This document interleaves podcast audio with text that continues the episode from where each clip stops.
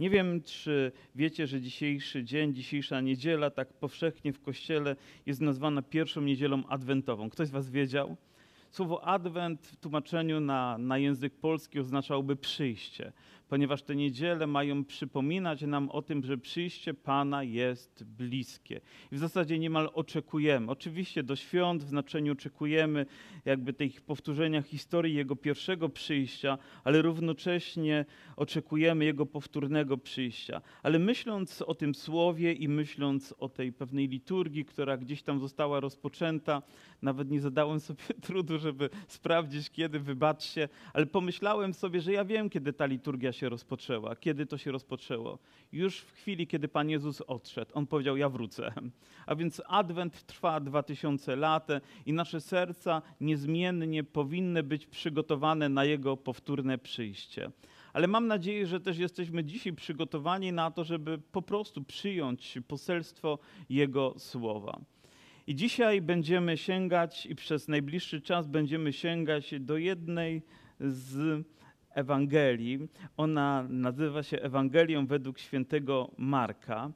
I ciekawą rzeczą jest to, że niektórzy uznali, że to jest jedna z najważniejszych Ewangelii w Nowym Testamencie.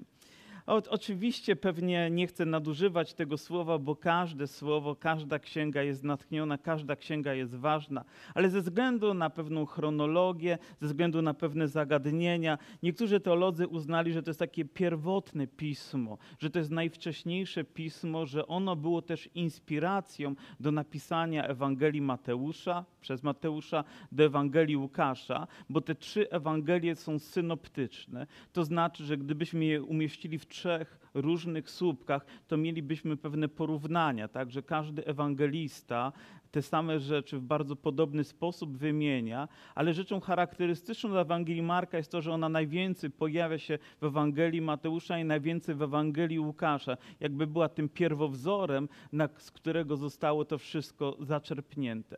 Wydaje się też, że ta Ewangelia jest bardzo prosta, gdy chodzi o swoje przesłanie, ale też bardzo radykalna, gdy chodzi o to przesłanie, że ta Ewangelia w sposób taki bezpośredni, Marek mówi o tym, że Jezus jest jest Bogiem w bardzo odważny sposób, ale też odważnie przedstawia Jego, Jego cielesność, Jego w znaczeniu, że przyszedł w ciele, że, że był człowiekiem, Jego człowieczeństwo, a więc to również jest w tej Ewangelii mocno podkreślone. Ciekawą, ciekawą rzeczą jest sama postać też Marka, ponieważ dowiadujemy się o nim w 12 rozdziale dziejów apostolskich, że gdy pierwszy Kościół zaczął być prześladowany, to jego dom był otwarty dla wierzących i tam ludzie spotykali się, żeby się modlić i modlili się w tym czasie o Piotra, który był uwięziony. Pamiętacie? Ale później następuje nieco bardziej dramatyczna chwila, ponieważ dochodzi do rozstania między Pawłem, Barnabą i Markiem. Barnaba i, i Marek idą w inną stronę, Paweł idzie w inną stronę. Doszło do pewnych różnic zdań. O, ciekawe, w kościele różnice zdania, nawet pierwszym było. Czasami tak niestety jest. To nie znaczy, że mamy się na tym wzorować, to nie znaczy, że to jest usprawiedliwieniem, że ja teraz mogę sobie pójść gdzie chcę. Wynikało to może z pewnych z pewnych napięć, które się wytworzyły, ale też widzimy później w dalszych fragmentach, na przykład w liście do Filemona jest wymieniony ten sam Marek, w liście do Kolosak jest wymieniony, w liście Piotra jest wymieniony ten sam Marek, który jest blisko apostoła Pawła, nawet jest jednym z tych, którzy mu posługują, są, jest tym, który pozdrawia zbory, a więc on nie jest jakby skreślony na zawsze, ale jest człowiekiem, który, który odbudowuje swoją relację z z Pawłem i mogą razem służyć. A więc historia jego jest bardzo ciekawa, ale sposób, w jaki on przedstawia Ewangelię, jest inspirowany najbardziej prawdopodobnie bezpośrednimi kazaniami Piotra. Od niego czerpie to, co Jezus mówił, zapamiętuje, a później stara się umieszczać e, na pergaminie, na zwoju i to jest dzisiaj tym, czym my żyjemy, czym się inspirujemy. Niesamowita Ewangelia. W odróżnieniu od Mateusza i Łukasza, ona jakby od razu wrzuca nas na głębokie wody. Zauważacie, że nie mamy tego początku mówiącego o tym jak Jezus się narodził, jak się wychowywał i te wszystkie szczegóły z tym związane, ale od razu przechodzi do konkretu. I w zasadzie nawet cofa się wcześniej, bo mówi tak, początek Ewangelii o Jezusie Chrystusie, Synu Bożym, jak napisano u Izajasza, proroka. A więc początkiem była zapowiedź, było proroctwo, które obwieszczało, że pojawi się Jezus, że pojawi się nadzieja dla Izraela i tym samym rozumiemy, że pojawi się nadzieja dla każdego człowieka, że On przyniesie nowe życie, nową jakość życia, nową relację z Bogiem i tylko dzięki Niemu możemy to uzyskać. Jakże ważną rzeczą jest to, byśmy rozumieli, jaką moc też ma Ewangelia. Oto posył wysyłam anioła mego przed Tobą, który przygotuje drogę Twoją, głos wojącego na pustyni, gotujcie drogę pańską, prostujcie ścieżki Jego. Na pustyni wystąpił Jan Chrzciciel i głosił chrzest upamiętania na odpuszczenie grzechów. Um, I wychodziła do Niego cała kraina judzka i wszyscy mieszkańcy Jerozolimy, a On chrzcił w rzece Jordanie, wyznających grzechy swoje. Jan miał na sobie odzienie sierści wielbłądzie i pas skórzany wokół bioder swoich jadał szarańcze miód leśny.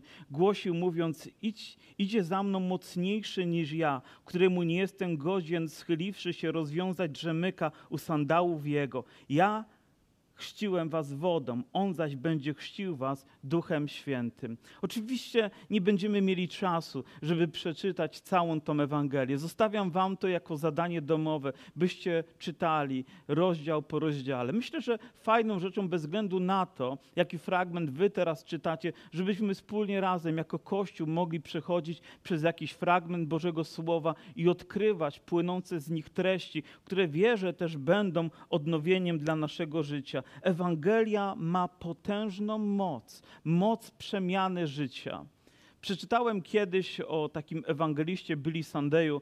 To jest ewangelista, który rozpoczął swoją działalność jeszcze pewnie pod koniec XIX wieku, ale jego główna służba rozpoczęła się na początku XX wieku i był rzeczywiście osobą, która wniosła ogromne zmiany w całe społeczeństwa, w całe miasta, w całą kulturę, a nawet prawo Stanów Zjednoczonych. Oczywiście był też osobą, która ze względu na to była krytykowana, krytykowana i nawet pewnego dnia wysłano pewnego dziennikarza, aby wyszpiegował go, a najlepiej rozmawiać o kimś z innymi. A więc zaczął rozmawiać ze sklepikarzami, ludźmi, którzy z tego miasta, gdzie była ta krucjata ewangelizacyjna, tam prowadzili swoje biznesy. I rozmawiał z jednym z takich ludzi i on mówi, wiesz co, mówi, nie jestem człowiekiem, który chodzę do kościoła, ale jedno mogę ci powiedzieć. Zaczynają przychodzić do mnie ludzie z tej krucjaty ewangelizacyjnej, którzy przypominają mi o tym, że są mi winni pieniądze. Chyba mu się to bardzo podobało. Ja już dawno zapomniałem o tych rachunkach, ponieważ były tak dawne, ale Ewangelia, która tam była zwiastowana, miała tak ogromny wpływ na ich życie, że oni przychodzą teraz, aby mi o tym przypomnieć, ponieważ ich życie zostało przemienione. Tylko Bóg, myślę, potrafi takie rzeczy robić z wielką mocą. I nawet powiedział, gdyby Kościół go nie zaprosił, to ja mu zafunduję kolejną krucjatę ewangelizacyjną.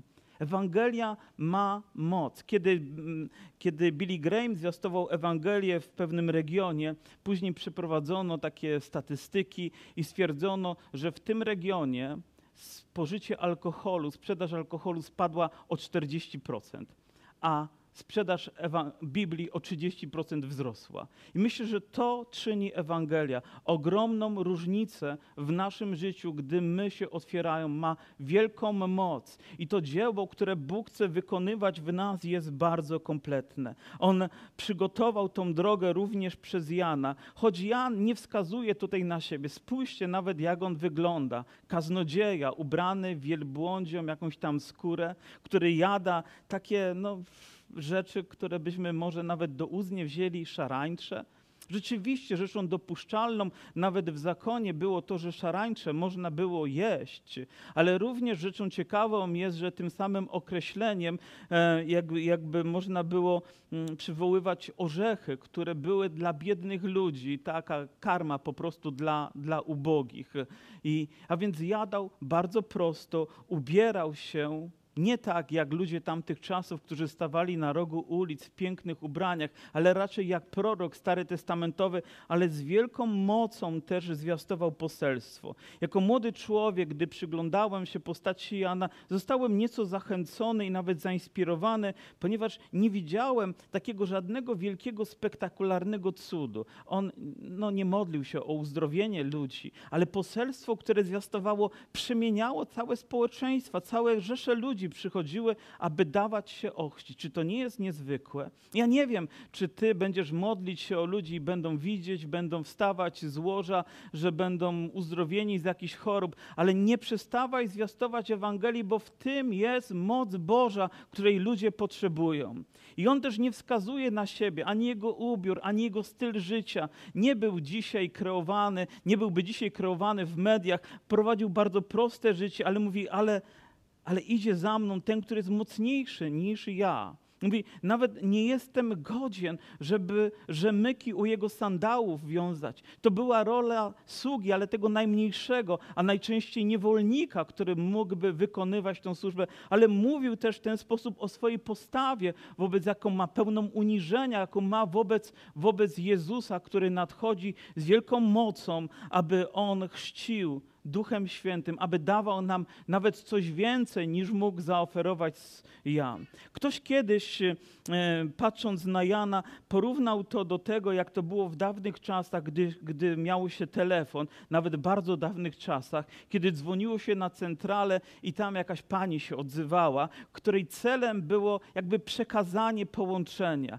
I ona mówi: Proszę poczekać, połączę pana czy panią z właściwą osobą. I kiedy ona to robiła, to ona się wycofywała, aby ta łączność mogła być bezpośrednia z tą właściwą osobą. I ktoś powiedział, właśnie taka była służba Jana. On jakby przyszedł po to, by przekazać ludzi Jezusowi. On sam wycofał się, ale jego misja dalej była wykonywana. I myślę, że my również, jako ludzie wierzący, mamy taką misję. Naszym celem nie jest tylko wpływać na ludzi, ale przekazywać ich Jezusowi, aby On prowadził ich dalej. Nasza rola jest tutaj ograniczona do, do pewnych, nawet takich pokornych rzeczy, które możemy wykonywać, ale Bóg uczyni daleko więcej w sercu, w sercu człowieka człowieka, a jego celem jest, abyśmy byli pełni Jego obecności. Mówi, On was będzie chrzcił Duchem Świętym i ten czas wiemy, że nadszedł. A później wydarzyło się coś niezwykłego. Oto sam Jezus daje się, daje się ochrzcić.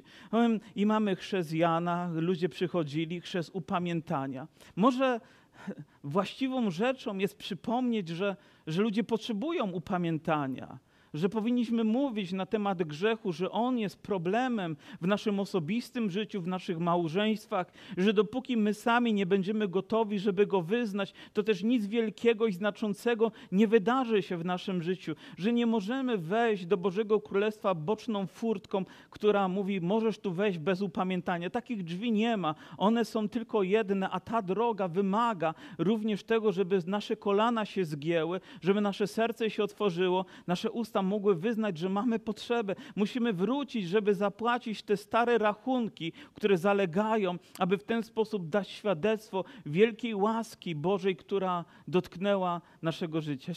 Ja muszę się do tego też chyba przyznać, ale wie, wiele lat temu e, miałem no, jakąś potrzebę i po drodze zakład taki elektryczny, który zajmuje się mechaniką elektryczną, Podjechałem tam w zasadzie nic nie zrobili, ale zażądali 10 złotych. Ja mówię, no mam kartę, mam inne, ale nie mieli wydać, więc nie zapłaciłem tych 10 złotych. I nie ma dnia, żebym ten zakład zniknął później, żebym nie miał poczucia, że powinienem uregulować te 10 zł. Może się znajdzie taka okazja, muszę w końcu gdzieś te 10 zł przelać, może jakiemuś elektrykowi, który to potrzebuje, ponieważ mam taką potrzebę w moim sercu, bo nie chcę, żeby cokolwiek było cieniem w moim życiu. Cokolwiek, bo Jezus mnie wyzwolił do tego, abym mógł być wolny i w moim sumieniu, i w moim sercu, i był pełny Jego ducha. Ale też sam Jezus, dlaczego Jezus dał się ochrzcić? Wiemy, że On żył bez grzechu. To nie było tak jak z nami, że my, którzy upadliśmy, zgrzeszyliśmy, mieliśmy potrzebę przyznania się do naszych grzechów, wyznania ich i nawet poproszenia o to, żeby zostały nam przebaczone i nawet zadośćuczynienia naszych grzechów, ale On grzechu nie miał, więc dlaczego On on dał się ochrzcić. Czy zauważacie, że jest to na początku Ewangelii? Czy zauważacie, że jest to początek Jego też misji? My czasami chrzest traktujemy jak jakąś zwieńczoną nagrodę naszego wybitnego chrześcijańskiego życia, ale Biblia przedstawia to zupełnie inaczej. To początek Twojego życia. To początek przyjęcia Jezusa, to potwierdzenie tego, że do Niego należysz. Jezus w ten sposób rozpoczął swoją działalność. On jakby zapieczętował swoją misję, że tak, jest gotowy teraz pójść. On utożsamił się z ludźmi, choć sam był bez grzechu, przyszedł do nas, grzesznych ludzi i uczynił to, co my powinniśmy uczynić. On stał się dla nas wzorem w naszym postępowaniu. Mój Pan dał się ochrzcić. Mój Pan został zanurzony. Mój Pan wszedł do tej wody. W innym miejscu Jan mówi, nawet nie jestem godzien, żeby tego zrobić, ale mój Pan to zrobił. Więc ja jedynie co mogę zrobić, to chcę być tak jak mój Pan. Chcę być tak jak mój Zbawiciel. Chcę być tak posłuszny. Chcę, aby Jego dzieło było we mnie wykonywane. Więc to jest ogromnym pragnieniem mojego serca. Arogancją byłoby z mojej strony powiedzenie, nie, nie potrzebuję to mój Pan potrzebował, a ja nie potrzebuję. Tym bardziej skłania mnie to do tego, żeby wejść. Może nie raz, nie dwa, może trzy razy trzeba mnie zanurzyć. Nawet widziałem takich chrzest w Jordanie. Byłem świadkiem, jak ludzie się chrzcili, to było dla mnie interesujące. Tam ludzie zwiedzali, a ja patrzyłem, jak jakiś kaznodzieja chrzci ludzi. I ciekawe, chrzcił trzy razy.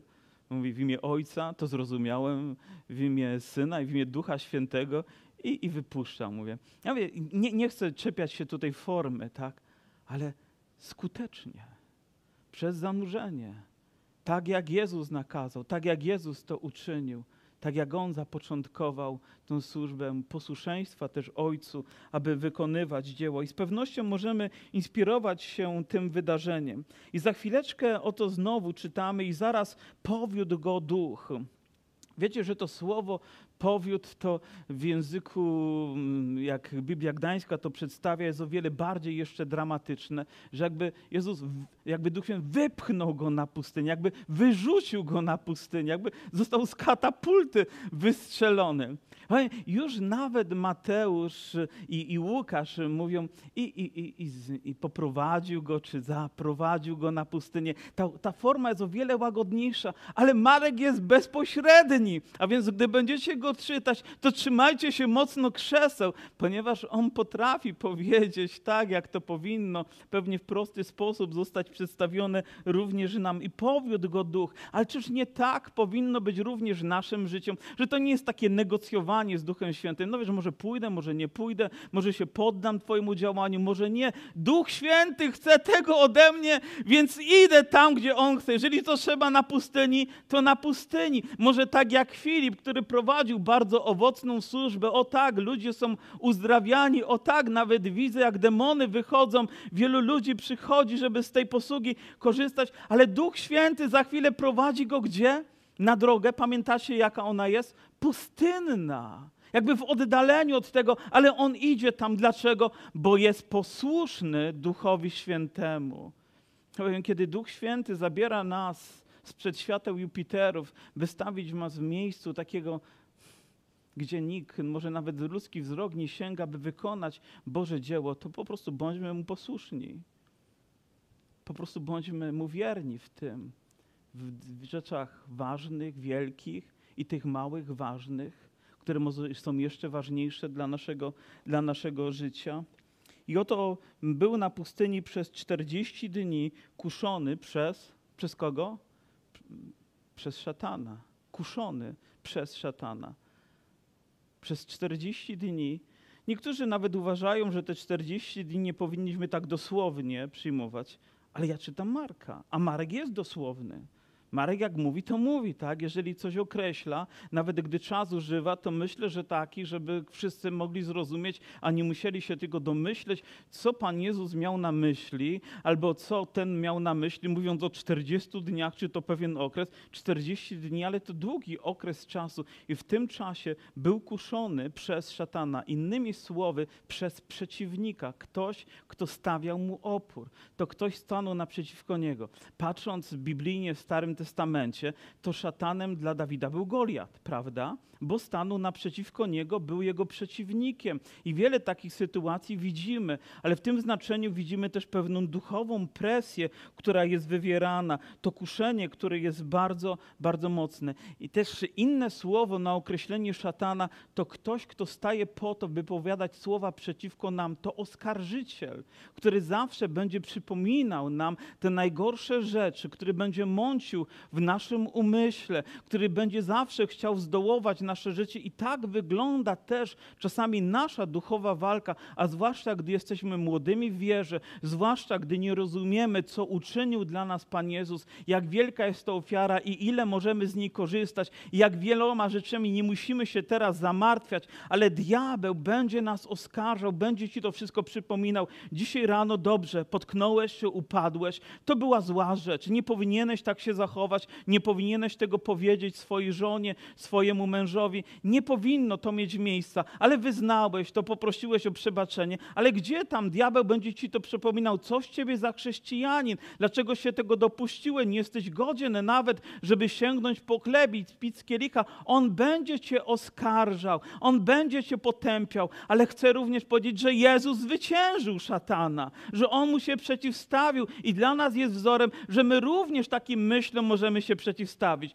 Kolejną rzeczą to wiemy, że on jest kłamcą, że on oszukuje, nie mówi prawdę. Jeżeli z tego źródła próbowalibyśmy cokolwiek usłyszeć, to nie wierzcie tym słowom. One nawet mogą być pochlebne. Mogą też powiedzieć, o jaki ty wspaniały jesteś.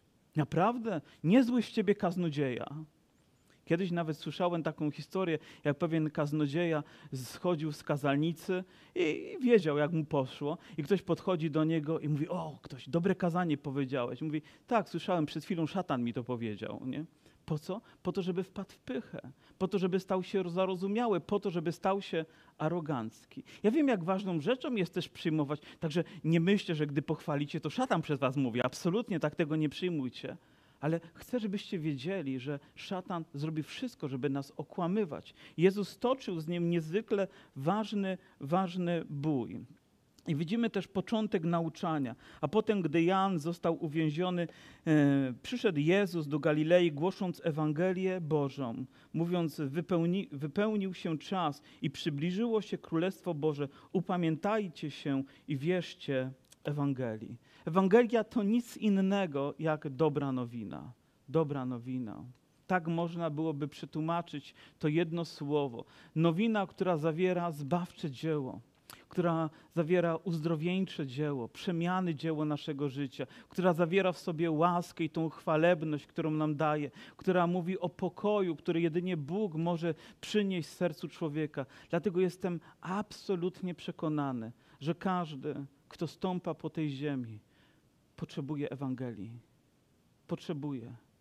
I kłamstwem byłoby, gdyby ktoś powiedział, on tego nie potrzebuje, albo on nie zasługuje, albo inne rzeczy, które miałyby na celu zatrzymać nasze słowa. Kłamstwem byłoby to, gdyby ktoś tobie powiedział, że ty nie potrzebujesz Ewangelii i przeciwnik zrobi wszystko, żeby zbudować mur w twoim sercu, który miałby cię oddzielać od tego, co dobre, ale Bóg ma moc burzenia diabelskich warowni. Kiedyś przeczytałem historię o pewnym statku, który wypłynął e, w 1787 roku z Anglii, aby gdzieś dotrzeć na wyspy, tam pewne drzewka importować do swojego kraju, by rozwinąć no, jakiś handel, jakiś przemysł, e, bonty czy banty, ten statek się nazywał. I wybuchł tam też wielki bunt na tym statku. Oto załoga przejęła władzę nad statkiem, kapitana i kilku tam jeszcze marynarzy do szalupy e, zepchnięto i wypchnięto ich na Pacyfik. Myślano pewnie, że nie dotrą do brzegu, oni do brzegu dotarli. Później, kiedy zaczęto też e, mm, poszukiwać ich, ponieważ byli buntownikami, odnaleźli ich Przynajmniej, jedną część tych buntowników i oczywiście rozprawiono się z nimi, ale jedna część, którą oni się podzielili, znalazła się na jednej z wysp polinezyjskich. Pozwólcie, że sobie przytoczę Pitka Irm się nazywała ta wyspa. Zapisałem sobie, bo pewnie bym nie zapamiętał, bo to nie jest biblijne słowo, nie? Więc y, zapamiętałem i tam y, po 18 latach ich odnaleziono. I rzeczą ciekawą było to, że ta wyspa była zewangelizowana, schrystianizowana. Wiecie, że jedna z tych osób, która znalazła się, która zbuntowała się wcześniej, zło zrobiła, znalazła Biblię i zaczęła ją czytać. I zaczęła żyć według tego słowa. Ewangelia zaczęła przemieniać ich życie. To ciekawe, że nawet bez kaznodziei ten człowiek się nawrócił. Gdy inni się upijali, zatracali swoje życie, on był wierny Ewangelii. Nawet jedno z doniesień mówi, że pewnego dnia zrobili sobie jakiś trunek i wszyscy umarli z tego powodu, a on jeden przeżył, ponieważ nie pił, bo był wierzący. Nie napił się tego, i zaczął zwiastować Ewangelię. Gdy dotarli tam ludzie, stwierdzili, że na tej wyspie nie ma więzień, ponieważ nie były potrzebne. Nie ma szpitali, ponieważ nie były potrzebne. Nie ma zakładów psychiatrycznych, ponieważ nie były potrzebne. Ponieważ Ewangelia miała moc zmienić całą kulturę tej wyspy. Ludzie należeli do Chrystusa. Czy to nie piękne? Myślę, że jest w tym coś, za czym my tęsknimy i co Jezus przyszedł, aby objawić też nam.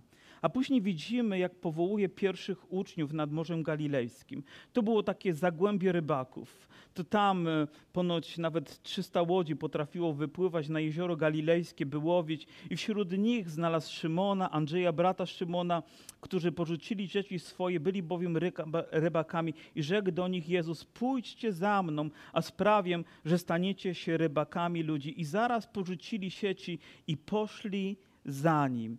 Oto ciekawa historia, ponieważ myślimy sobie, jak to takie jedne spotkanie może sprawić tak ogromną różnicę. Widzi ludzi, którzy są prostymi ludźmi, nie są wykształconymi. A więc jeżeli dzisiaj patrząc na tą historię, my sami mielibyśmy decydować o, o naszym życiu i powiedzieć, o nie pójdę za Panem, ponieważ no jakby nie wszystko rozumiem, albo nie jestem dostatecznie wykształcony, nie jestem dostatecznie przygotowany teologicznie, to chcę Ci powiedzieć, że to jest wymówka, a nie prawda ponieważ Boże Słowo mi mówi, że ci ludzie byli prostymi ludźmi, niewykształconymi, ale to było wystarczające, że sam Jezus powiedział: Pójdźcie za mną, aby uczynić ich tymi, którymi chciał ich uczynić dla swojej chwały. A więc brak wiedzy, brak wykształcenia jest wymówką dla ciebie. Widzę też, że byli bardzo zajętymi ludźmi. Oni tam czy naprawiali, czy pukali sieci, czy przygotowywali się do kolejnej wyprawy. Naprawdę byli zapracowanymi, ciężko pracującymi ludźmi.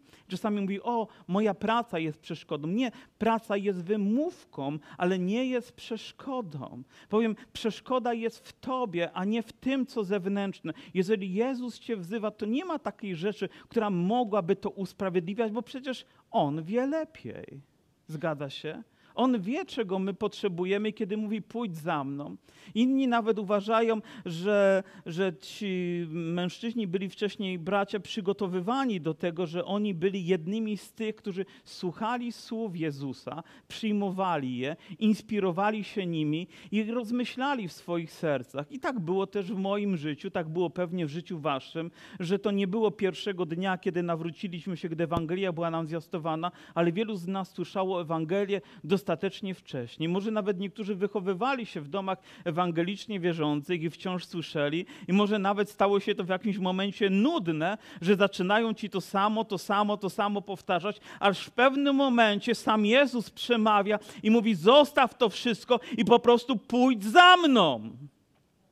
I staje się to wtedy wielką mocą. I oni porzucili swoje sieci. Ja nie zachęcam cię do tego, żeby teraz zmienił pracę, chyba żeby ona w jakiś radykalnie zły sposób wpływała na twoje życie. Może nawet była zajęciem, które jest niegodne, bo zajmuje się paraż nim, ale nie przynosi to ani chwały tobie, ani rodzinie, ani kościołowi, ani Bożemu Królestwu. To rzeczywiście można zmienić, ale chcę ci powiedzieć, że praca nigdy nie powinna być ponad Jezusem.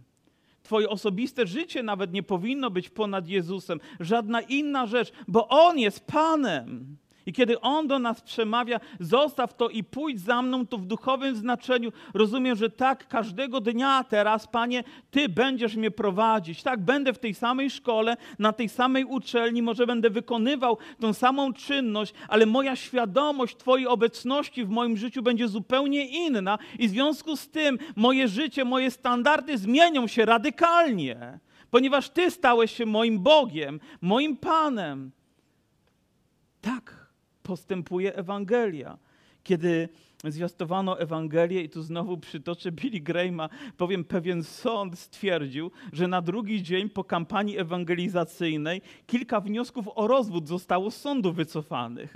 Czy to niezwykłe, że Bóg tak mocno przemienia, że to dotyka każdej sfery naszego życia? Abyśmy dzisiaj byli świadkami takich samych wydarzeń. Amen. A więc słuchajmy Ewangelii, słuchajmy Bożego Słowa, bo w nich zawarte są ziarna życia, których my po prostu radykalnie potrzebujemy. A one teraz, gdy Duch Święty przychodzi, gdy ten późny deszcz spada, czy wczesny deszcz do naszego serca zaczynają ożywać, a nawet coś jeszcze w nas musi może obumrzeć, by nagle został wydobyty z nas plon, o którym nie zdawaliśmy sobie sprawy, że może zaistnieć w naszym życiu dla Jego chwały, więc moją radą, więc nie poddawaj się. Pozwól działać Ewangelii w swoim życiu, a ona stanie się wielką mocą. Aleluja. Wiecie, że jestem dopiero w połowie kazania, więc drugie powiem chyba na drugim nabożeństwie, tak, tak myślę. I później widzimy jeszcze jedną rzecz, uzdrowienie i dzieła Pana Jezusa, które zaczyna dokonywać. I weszli do Kafarnaum. I zaraz w sabat e, wstąpił do synagogi, nauczał.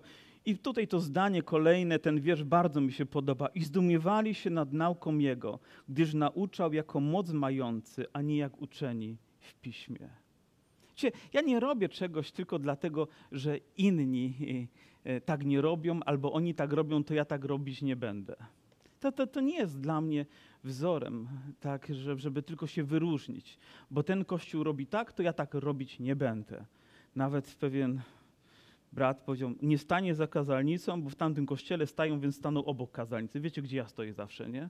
A nie dlatego, że ktoś tam staje, tylko dlatego, że po prostu mam taką potrzebę, żeby być jeszcze bliżej was. Gdyby scena była jeszcze bliżej, to bym pewnie jeszcze bliżej podszedł, a akustycy by mnie później napomnieli, że będzie sprzęgać z kolumnami, ale poradziłbym sobie z tym. W każdym razie e, robimy tak, czy chcemy postępować, żeby moc Ewangelii była czymś autentycznym w naszym życiu. I oto mają ludzie porównanie pomiędzy tymi pięknie ubranymi ludźmi i ich gładkimi słowami i Jezusem, który staje i mówi, mówią, jest różnica. Ponieważ tamte słowa idą w eter, a te dotykają naszego serca, te poruszają nasze życie, dotykają całej głębi nas. Ponieważ nie tylko sam Jezus je wypowiadał, co już jest rzeczą absurdalną, ale te słowa, które wypowiadał, były tak, wiel tak wielką mocą. Ktoś kiedyś powiedział, że siła tkwiła w spójności. To znaczy, że te słowa, które wypowiadał Jezus, miały stuprocentowe pokrycie z jego życiem. Kiedy chcesz być autentycznym chrześcijaninem, musisz być spójny.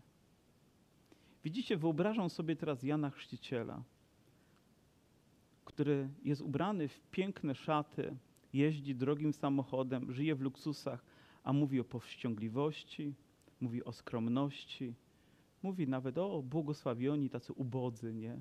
Tacy, którzy nic nie mają jakby nie jest reprezentantem tego, co zwiastuje. Ja nie namawiam do tego, że my musimy być biedni, że musimy jeździć najgorszymi samochodami, które ciągle nam się psują i, i, i żyć w jakimś ubóstwie, ale musimy w naszej wierze po prostu być autentyczni.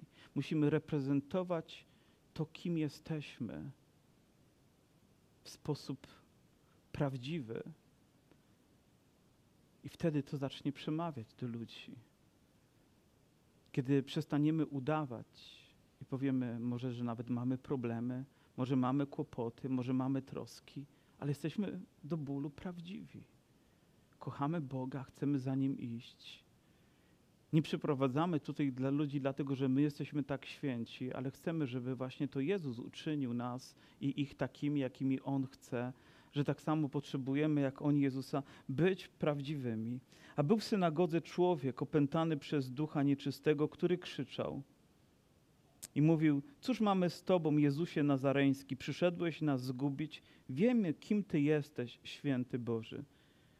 Wydaje się rzeczą dziwną, że, że demony mogą tyle wiedzieć o Jezusie. Prawda? Może nawet więcej niż my, a mimo to nie zmienia to ich jakby postawy. Wciąż wykonują tą złowieszczą rzecz, atakując, niszcząc ludzi, wbijając się w ich umysły, w ich ciała, w ich życie, prowadząc destrukcyjną misję wyniszczenia człowieka aż do końca. Najlepiej, żeby sami jeszcze na koniec skończyli tragicznie. Także to jest e, niezwykłe, a mimo to tyle wiedzą, wiemy, kim jesteś. I doszedłem do myśli, że nie wiedza nas zmienia. Świadomość Ewangelii jest bardzo dobra, jest potrzebna, jest niezbędna, ale nie sama wiedza. Nawet demony wierzą słowo i drżą. Nawet i to jeszcze ich nie zmienia. Kiedy zaczynamy żyć Ewangelią, to zaczyna nas zmieniać. I oto widzimy opór wielki, gdy Jezus się pojawia. Człowieka, który tam był, człowieka, który krzyczy, który może nie pozwala, żeby ziarna Ewangelii były rzucone w serca ludzi. Mówi, wiemy, kim jesteś. Może w ten sposób chciałem mu ubliżyć, a Jezus zgromił go, mówiąc, zamilknij i wyjdź z niego. Jezus nie dyskutuje z demonem, tylko nakazuje mu to, co ma uczynić. I rzeczywiście ta misja jest zwycięska, a duch nieczysty, szarpnąwszy nim i zawoławszy, głosem wielkim wyszedł z niego i zdumiewali się wszyscy, także pytali się nawzajem, co to jest? Nowa nauka głoszona z mocą. Nawet duchom nieczystym nakazuje i są mu posłuszne. I wnet rozeszła się wieść o nim wszędzie, po całej okolicznej krainie galilejskiej. Rzeczywiście, kiedy czytam Ewangelię Marka i widzę widzę tę historię i wiele innych, gdy Jezus dokonuje swojego niezwykłego dzieła i jak moc Ewangelii potrafi przemieniać życie, myślę sobie o nas i o naszej służbie, o naszej działalności, o naszym wpływie na świat i o naszej skuteczności. Ale wiecie, gdzie to się zaczęło? Gdzie ta skuteczność Jezusa również miała miejsce. I myślę, czy byłoby tak owocna, gdyby nie ta zwycięska bitwa, którą stoczył na pustyni, przeciwstawiając się szatanowi, przeciwnikowi, temu uskarżycielowi i kłamcy, aby tutaj teraz stanąć Kafarnaum i temu demonowi sprzeciwić się. Czy byłoby to możliwe? Czy możliwe jest, jeżeli gdzieś tam przegrywamy życie i będziemy je zwycięskie teraz, zwycięską służbę prowadzić owocnie w miejscu miejscu publicznym, gdzieś na nabożeństwach staniemy, o, będziemy Cię, Panie, chwalić, będziemy Cię wielbić, ale przegrywamy najważniejsze bitwy naszego życia. One nie tutaj się rozgrywają, tylko wcześniej. Tutaj się realizują, ale to tam, gdy jesteśmy w ukryciu, tam, gdy jesteśmy sami, tam, gdy jesteśmy narażeni na niebezpieczeństwo, na te dramaty życia, tam powinniśmy mieć odwagę, by się przeciwstawić wszelkim pokusom, wszelkiemu złu, nie dać niszczyć naszego duchowego życia, a kiedy Bóg Bóg cię postawi we właściwym miejscu i właściwej sytuacji, będziesz miał odwagę, ba będziesz miał autorytet, by ktoś ci nie powiedział, no o Jezusie wiem, wiem kim nawet jest Paweł, ale ty kim jesteś, że próbujesz te słowa wypowiedzieć, by było to czymś prawdziwym w twoim życiu, a więc żyj życiem spójnym. Niech te słowa mają moc w twoim sercu, a pójdę znajdą zastosowanie w twoich ustach, gdy możesz powiedzieć w modlitwie, gdy możesz nakazać. I rzeczywiście ten autorytet jest nam dany, byśmy mogli to zrobić i przeciwstawić się. Kiedyś czytałem też jakąś historię związaną z wykopaliskami sprzed wielu, wielu lat i dokonywano ekshumacji zwłok i stwierdzono jedną dziwną rzecz, że w wielu grobach były osoby pochowane i to, i to dawno, dawno temu, właśnie w, w tamtych czasach kiedy, i, i gdy stwierdzono, że w ich czaszkach były wykonane otwory. A więc za życia dokonano operacji, aby e, zrobić dziurę w czaszce I później oczywiście tą kosteczką usuwano, ciało się zarosło, ale ta dziura cały czas była. I zastanowiono się dlaczego. Dlaczego ta dziura ma tam być? Wyobraźcie sobie w tamtych czasach trepanacja czaszki. To musiało być okrutne, to musiało być bolesne, to musiało być niebezpieczne, a ludzie mimo to oddawali się takim operacjom. I stwierdzono później gdzieś w jakichś innych pewnie formach zapisanych, że robiono tak dlatego, że ci ludzie byli opętani, mieli takie myśli, mieli takie zło, z którym nie potrafili sobie poradzić, a to był otwór, przez który demony miały wychodzić. Myślę, jak ogromna musi być wewnętrzna presja człowieka, by był gotowy do posunięcia się do takiego kroku, by tylko zostać uwolniony. Ktoś inny powiedział, o, czytamy, ale nie na wszystkie pytania mamy odpowiedzi, nawet nie wiemy, w, w jaki sposób diabeł potrafi wpłynąć na człowieka, potrafi wpłynąć na jego życie, potrafi zawładnąć jego umysłem, jego ciałem, potrafi wyniszczyć. Nawet nie mamy wszystkich odpowiedzi, ale jedną odpowiedź mamy. Że Jezus ma moc, aby się z tym rozprawić. Może to jest najważniejsza wiadomość dla mnie i dla Ciebie, że z tymi wszystkimi koszmarami życia, z traumą przeszłości, z wewnętrznymi napięciami, z brakiem snu, z lękiem, który paradoksalnie pojawia się albo irracjonalnie pojawia się w naszym życiu. Jest na to lekarstwo. Ewangelia, moc Boża, Jego Słowo, które może Cię wyzwolić. Może potrzebujesz, by ktoś się z Tobą pomodlił, ale potrzebujesz sam zawołać, aby Jezus uwolnił Ciebie, aby Twoje serce mogło stać się wolne, abyś mógł prowadzić zwycięskie życie. Bo to, o czym wiemy i co odkryliśmy już w Księdze Objawienia, którą kończymy, myślę, w tym tygodniu, ten, za dwa tygodnie, bo teraz mamy uwielbienia, to jedna niezmienna prawda. Jezus zwycięża. I On chce zwyciężyć w Twoim życiu pojawił się tam w Kafarnaum, pojawił się w synagodze. Synagoga charakteryzowała się trzema rzeczami. Mamy jeszcze trochę czas, w razie czego zamknijcie drzwi, nie wpuszczamy obcych, na, na naszych braci, przepraszam, na nabożeństwo. Będzie, będą musieli poczekać w kolejce. Trzy rzeczy tam były. Modlitwa, słowo i wykład słowa. Nawet y, nie śpiewano tam pieśni, ale zajmowano się modlitwą, słowem, wykładem słowem. Myślę, że to najważniejsze rzeczy, które powinny towarzyszyć każdemu zgromadzeniu. Oczywiście uwielbienie też jest ważne, absolutnie, kiedy możemy pieśniami wielbić modlitwa, ale słowo i wykład słowa jest tutaj niezwykle. To było miejsce i był tam człowiek, który słyszał może wiele czytań, może wiele różnych interpretacji, dopóki nie pojawił się Jezus. I wtedy zaczęło się ale wtedy też przyszła prawdziwa wolność. Czy myślicie, że ta historia się tutaj kończy? Że Jezus po raz ostatni w Kafarnaum? Co się wydarzy w kolejnym odcinku? Co wydarzy się w Kafarnaum? Jakie rzeczy będą miały miejsce? Co Bóg tutaj rozpoczął i będzie kontynuować? I o tym dowiecie się za tydzień. Chyba, że sami doczytacie. Do czego zachęcam.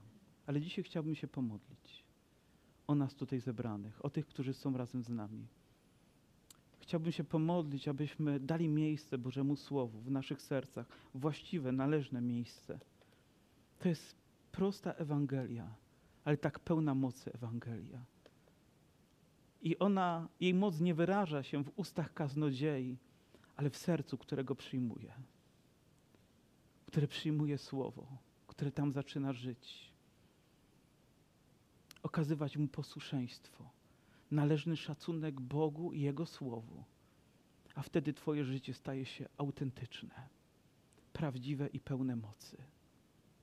I dokonują się zmiany, których tylko Bóg może dokonać. Gdy 40% ludzi mniej pije, a 30% więcej czyta Biblię. Kiedy płacimy długi przeszłości, ponieważ Słowo Boże ma moc przemiany życia człowieka w każdej jego dziedzinie. Może Ty masz taką potrzebę. Ja nie mam dla Ciebie innego lekarstwa niż Boże Słowo, innej możliwości niż modlitwa, ale chcę Ci powiedzieć, to wystarczy. Panie, dziękuję Tobie za moje siostry i za moich braci. Dziękuję Ci za ich serca, które dzisiaj są otwarte, Panie, by czytać Twoje słowo i móc je rozważać. I dzisiaj, Panie, modlimy się też o to, by to słowo pracowało w nas, Panie, byśmy nie tylko byli ludźmi, którzy przyjęli nową informację, ale ludźmi, którzy autentycznie żyją. Panie, tymi prawdami, które są skierowane do nas. Panie, by to miało przemianę w naszych myślach, w naszych sercach, Panie, w naszym zachowaniu, w naszym języku, w naszej kulturze bycia, Panie, w naszych decyzjach, w naszych rodzinach, w relacjach. Panie, przynieś pełne odnowienie, pełne uzdrowienie, pełną wolność. Tylko Ty możesz tego dokonać. I teraz myślę, Panie, o moim bracie, który walczy, nie daje sobie rady, krzyczy może nawet z bólu, ale nie, doje, nie daje rady. Może byłby gotowy nawet dziurę sobie w głowie zrobić, byle tylko poczuć ulgę, ale to tylko Ty masz moc go wyzwolić. Tylko Ty, Jezus. I dlatego oddaję go Tobie, oddaję moją siostrę, która jest pełna nadziei, aby uchwycić się Twojego słowa i postawić kolejny krok, kolejny krok, że Ty byłeś, Ty jesteś i będziesz z nią. Panie, modlę się o tych ludzi, którzy, którym wydaje się, że może nie mają dostatecznie wiele mądrości, może wykształcenia, może czasu, innych ludzkich możliwości, by zaparli się samych siebie i, i zrobili krok za Tobą, a później kolejny i kolejny, aż pewnego dnia powiedzą: Błogosławieni jesteśmy. Panie, proszę Cię o taką odwagę w naszych sercach. Aleluja. Chwała Ci, Panie, niech będzie. Amen. Amen.